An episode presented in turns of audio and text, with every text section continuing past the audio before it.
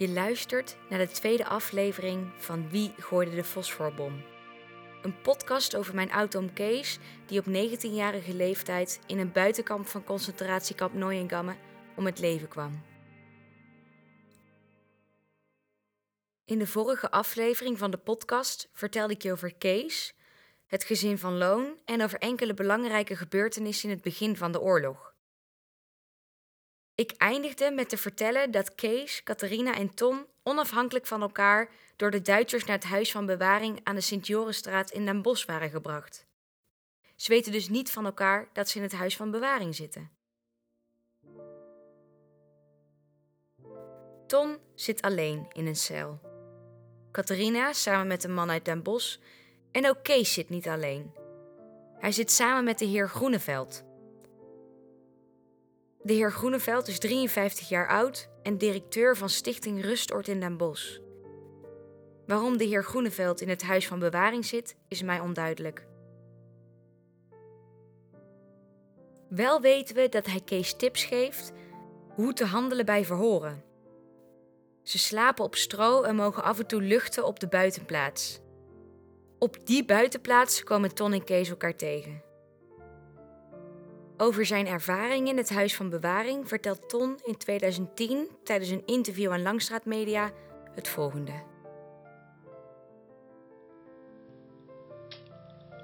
En toen ben ik dus terechtgekomen in de, de bos, in de strafgevangenis, of hoe het heet. En daar schrok ik verschrikkelijk, want die man die daar directeur was, dus toch wel goed, ik dat nog die had voor mijn gevoel maar één oog. Maar dat was zijn manier van doen.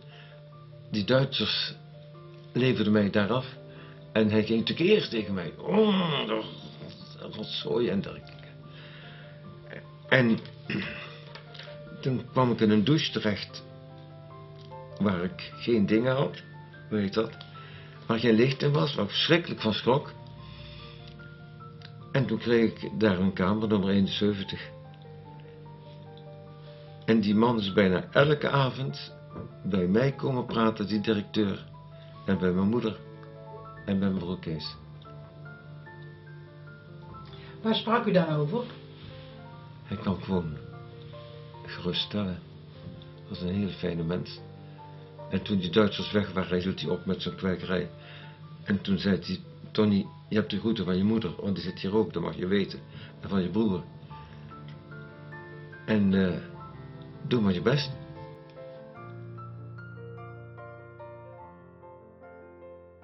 Anders zijn de verhoren. Kees, Ton en Catharina worden verhoord door de Duitser Gottschalk, crimineel secretaris en lid van de sigaretsdienst.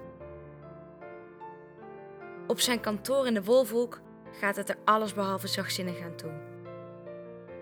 Hij was sowieso in strijd met de wetten en gebruiken van de oorlog en de menselijkheid. Gottschalk stond erom bekend losse handjes te hebben. Voordat Gottschalk in Den Bosch komt te werken, is hij werkzaam in kamp Haren. Dit kamp was als gijzelaarskamp en huis van bewaring in gebruik door de SD. Hier zaten veel verzetstrijders, zo ook 23 medewerkers van de verzetskrant Trouw. Gottschalk had als taak om alles bij hen naar boven te halen. Uiteindelijk zijn ze omgebracht in kamp Vught. Eén voor één moeten Catharina, Ton en Kees bij Gottschalk komen. Hij wil weten waar Piet is.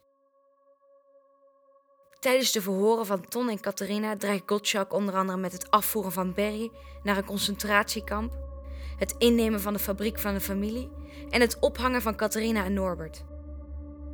De verhoren duren uren. Zo zegt Ton in zijn procesverbaal dat hij wel vijf uur door Gottschalk wordt verhoord. De verhoren van Kees gaan er nog heftiger aan toe. Kees wordt verdacht van het verspreiden van illegale bladen. Hij doet alsof hij geen Duits verstaat en kan zo nadenken over zijn antwoord op het moment dat de vertaler de vraag van Gottschalk in het Nederlands vertaalt. Gottschalk ziet in de papieren van Kees dat hij wel Duits verstaat. Hij heeft op de HBS Duits geleerd. Hij moet hem dus kunnen verstaan en slaat erop los tot bloedens toe. Als Kees vervolgens op de grond valt, pakt Gottschalk hem bij zijn haren en slaat met zijn andere hand in zijn gezicht. Na de oorlog legt Catharina de volgende verklaring af in het proces van Gottschalk.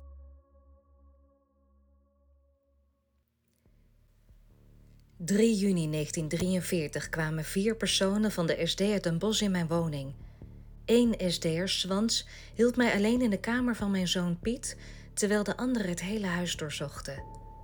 In de kamer van Piet begon Swans mij een verhoor af te nemen. De eerste vraag die hij mij stelde was...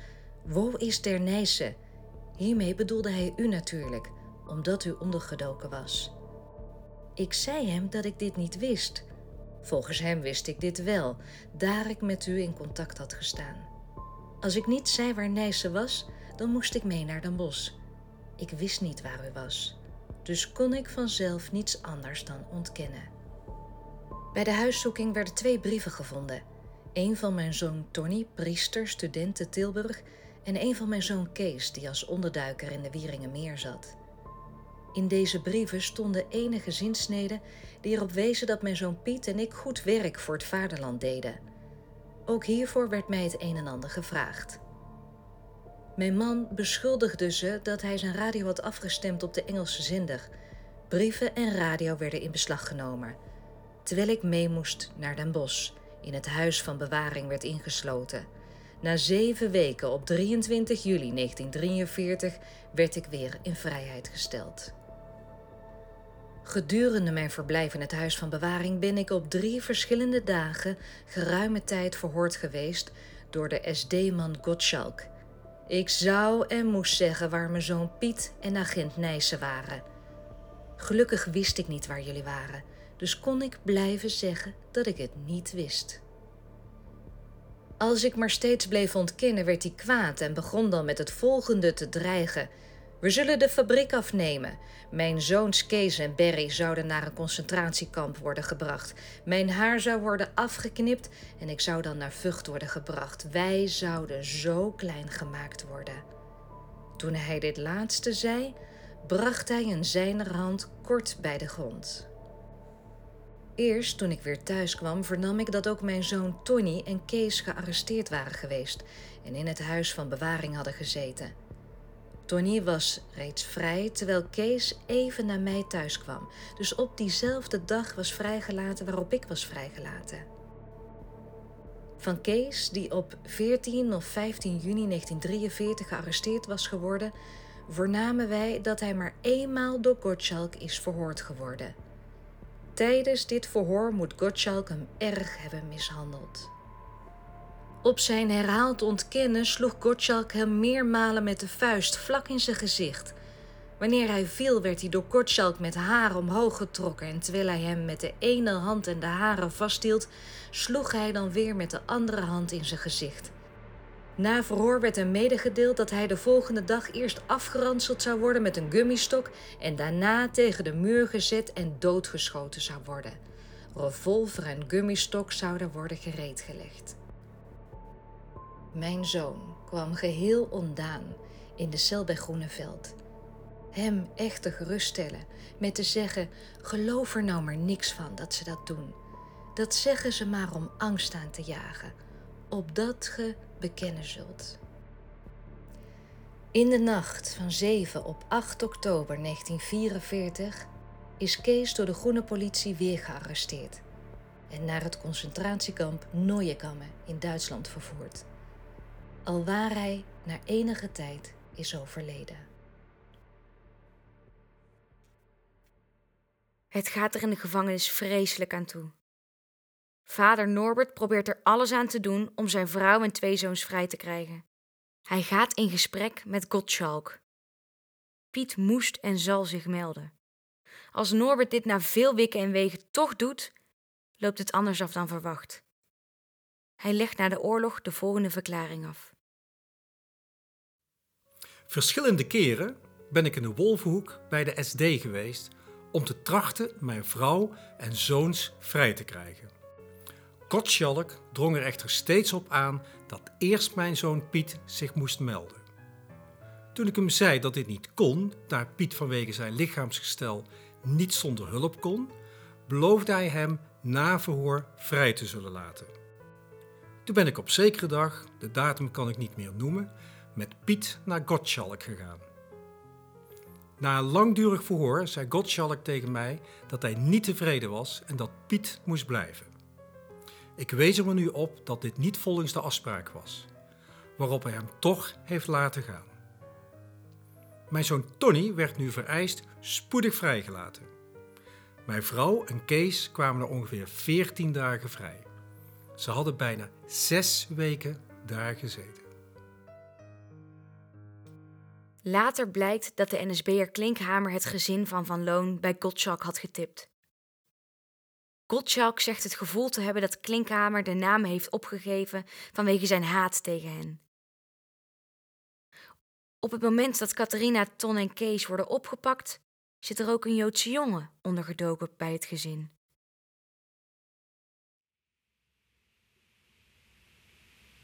Wij hebben wel iemand in huis gehad.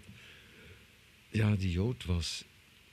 Dan krijg ik nog weer tranen van in mijn ogen. Sigus Nesch heette die. Die kwam uit Polen. Maar vader, de, zijn vader kende mijn vader vanwege de vakschool in Waalwijk. Daar had hij Pool gestudeerd. En die vroeg of die jongen dus, om hem te sparen, dus bij ons mocht opgenomen worden.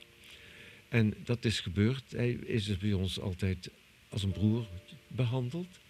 Maar op een gegeven moment, toen die Duitsers dus gingen arresteren, en wij dus al gearresteerd waren is hij naar Amsterdam gegaan, pardon, hebben wij gezorgd dat er in Amsterdam een bovenwoning terecht zou komen. Maar het is heel tragisch gelopen. Deze jongen kon het helemaal niet houden daar op, zijn, uh, op die onderdruikadres, helemaal op zijn eentje. En hij kon zichzelf niet voldoende voeden. Hij is dus naar huis, naar Waalwijk teruggekomen en heeft gezegd, ik ga me aangeven bij de ortscommandant. Dat heeft hij gedaan. En toen hebben we hem op een gegeven moment dus naar de trein moeten brengen, afscheid genomen. Ik weet nog helemaal hoe het ging en dat die Duitse soldaten waren toen heel erg optredend of leken heel erg gemeen. Maar hij is daar met heel veel mensen, ook die in Waspik, dat was weer Waspik waren, er waren twee gezinnetjes die uh, ons goed kenden, omdat de vertegenwoordiger van ons, die heette Koster, die had uh, dan zeven kinderen. En mijn moeder had gezorgd, want die was heel actief, dat ze onder ons konden duiken. En die waren al getrouwd en hadden kinderen en die waren dus sprang. En die zijn allemaal verraden. En zijn allemaal met diezelfde trein meegegaan. Daar is niemand van teruggekomen. De viool van de jongen en de fluit die ligt hier nog op mijn kast.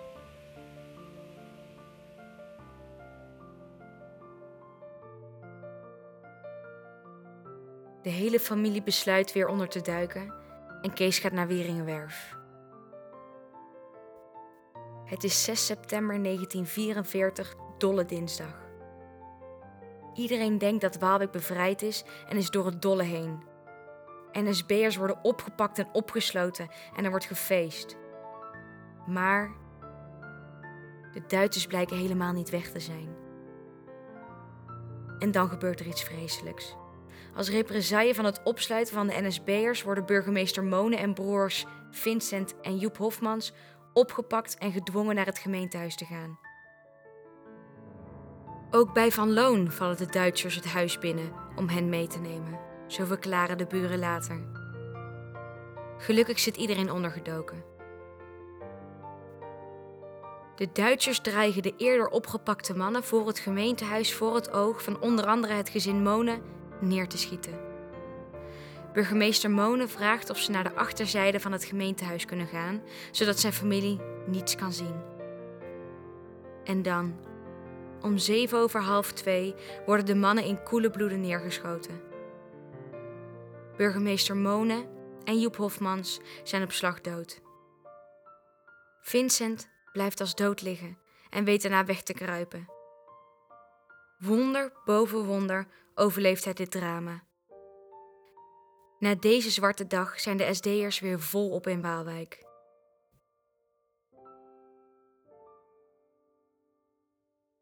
Enige tijd later gaat Kees weer terug naar Weringenwerf. Zo stuurt hij de volgende brief naar Waalwijk. Lieve oma, al zit ik ver van Waalwijk af, toch ben ik dag in dag uit bij u. Heel de dag, als ik op het land ben, denk ik aan oma. Aan oma ja, die nu niet kerngezond aan het schoonmaken of werken is, maar aan oma die zwaar ziek is. Verontrustend was verleden week vrijdag het bericht uit Waalwijk. Vader en moeder gingen hals over kop naar huis. Maar gelukkig, oma is er nog steeds. En nog steeds hebben we de hoop dat onze Heer ons gebed zal verhoren en u nog enkele jaren zal schenken. Maar mocht hij anders beslissen, dan oma, is er toch niets tegen te doen. Gods besluiten zijn altijd goed en het beste, hoe graag we het ook anders zouden willen hebben. Maar desalniettemin zal de familie een grote slag krijgen als God u tot zich roept. Ja, oma, wij allen hebben veel aan u te danken. Uw grote zorg voor ons en vooral uw raadgevingen zullen wij nooit vergeten. Oma, u kunt op mij rekenen. Ik zal altijd meer blijven dan uw boer. Ik zal er althans mijn best voor doen. O, oma, ik heb altijd gehoopt u over een jaar of vijf, zes over mijn eigen boerderij rond te leiden. Maar ik weet niet of onze Heer mij dat genot zal geven. Oma, wij hebben u altijd bewonderd en doen dat nog steeds. Zoals u op uw 86 en 87-jarige leeftijd werkte en zwoeg, iedere dag opnieuw. Zo doen het er u maar weinig na. Uw voorbeeld hebben ons allen levenswijsheid en levenskracht gegeven. Wij zullen uw voorbeeld volgen, daar kunt u op rekenen. Oma, ik hoop dat ik u 7 oktober zie en in een betere toestand dan nu. Oma, veel kracht en sterkte in deze dagen. Beterschap. Vele groet en een kus van uw kleinkind Kees. Op 3 oktober 1944 is Kees terug in Waalwijk. Omdat de kans van oppakken nog steeds groot is, duikt hij onder in Elshout. Hij hoopt oma nog te zien. Jammer genoeg is het dan al te laat. Oma is al overleden. En een tante vertelt dat oma de brief van Kees niet meer gelezen heeft. Kees zegt daarop: Dat is niets jammer, tante. Oma weet alles. Door de Heer weet ze precies hoe ik ben en hoe ik denk. Het is 7 oktober. Norbert heeft gevraagd of iedereen naar Waalwijk wil komen. De Duitse troepen moeten nu eindelijk weg zijn en het lijkt veilig voor het gezin om weer naar huis te komen. Daarnaast is oma net overleden en is het de verjaardag van Norbert. Hij wil de familie graag bij elkaar hebben. Iedereen komt terug naar huis, behalve Piet. Kees en Ton blijven voorzichtig en lopen door de bossen terug naar huis. Deze avond wordt de laatste avond dat het gezin Kees nog zal zien.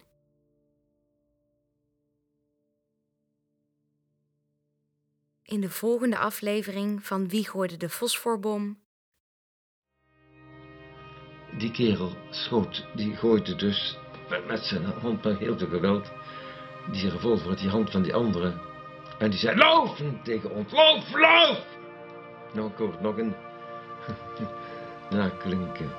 Dus wij zijn de straat opgerend en het zal nu of vijf, half zes geweest zijn.